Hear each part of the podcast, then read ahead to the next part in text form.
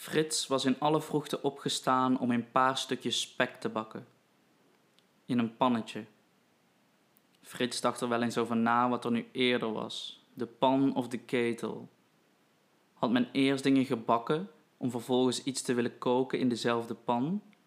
Die personen zouden dan tot de conclusie zijn gekomen dat de randen van een pan verwaarloosbaar klein zijn als je grote hoeveelheden wilt koken. Waarschijnlijk hadden ze een randje van ruim 15 centimeter op de pan gelast en zo kon de ketel ontstaan zijn. Of misschien was het juist andersom. Was er eerst een grote ketel, omdat men vroeger nu eenmaal grote gezinnen had, waar veel aardappelen geschaft moesten worden. En was er in dat grote gezin dan een man des huizes die vroeg in de ochtend bij zijn ontbijt graag een stukje spek wilde zien? Ja, dan was zo'n ketel wel een beetje omslachtig. Daar kon je niet fatsoenlijk spek in bakken. De desbetreffende man zou dan zo handig geweest zijn om een randje van ruim 20 centimeter van de ketel af te zagen. Een randje overhoudend, zodat de spek er niet af zou glijden tijdens het bakken. Na drie ochtenden spekbakken zou de man geconcludeerd hebben dat er nog wel 5 centimeter van de rand af kon. Zo was de uitvinding goed omdat de beste man een grote fan was van de Deense schrijver Knut Hamsun en dan met name het alomgeprezen boek Pan uit de papieren van luitenant Thomas Glan, noemde hij zijn uitvinding Thomas Glan Pan. Maar in de volksmond werd dit al snel Pan. De man had er een fortuin mee kunnen verdienen. Wil het niet dat hij in de zomer van 1934 een zigeunerin ontmoette, met wie hij de uitvinding aan de andere kant van de oceaan op de markt zou gaan zetten. Een grote storm op de derde dag van de reis gooide roet in het eten. De Vlemmingse courant kopte de volgende ochtend schip gezonkt. In die tijd deed men nog niet zo moeilijk over spellingsfouten. Frits merkte dat hij te veel nadacht. Even liet hij zijn hoofd rusten en toen sneed hij een stukje brood af en liet de reepje spek handig op het brood glijden.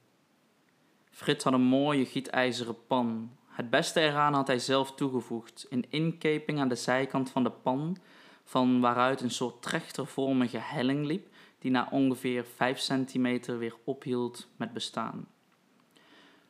Zo kon Frits de stukjes spek, die hij vrijwel iedere ochtend bakte, mooi op zijn brood laten glijden.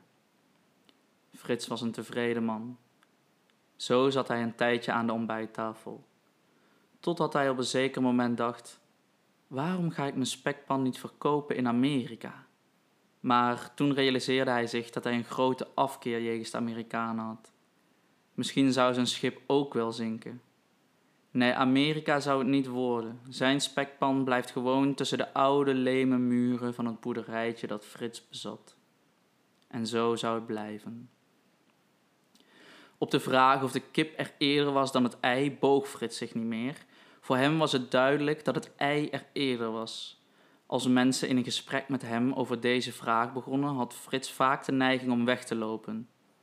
Iets wat hij in de meeste gevallen dan ook deed. In een enkel geval, waarbij ofwel de gesprekspartners goed gewaardeerd werden, ofwel Frits de alcohol door zijn lichaam kon voelen stromen, kon hij de neiging tot weglopen onderdrukken. Dan riep hij de hele conversatie in hal toe om duidelijk te maken hoe hij erover dacht en hoe dat tot stand gekomen was. Het was simpel. Een beest in de evolutie één stap voor de kip legt een ei. De evolutie zorgt er dan voor dat er uit dat ei niet hetzelfde beest kruipt, maar een kip. Meestal keken de mensen hem dan een aantal seconden nadenkend aan om vervolgens zijn theorie te aanvaarden. Degene die daarna nog verder wilde discussiëren over dit onderwerp kregen een klap op de kaak voor een kiezen.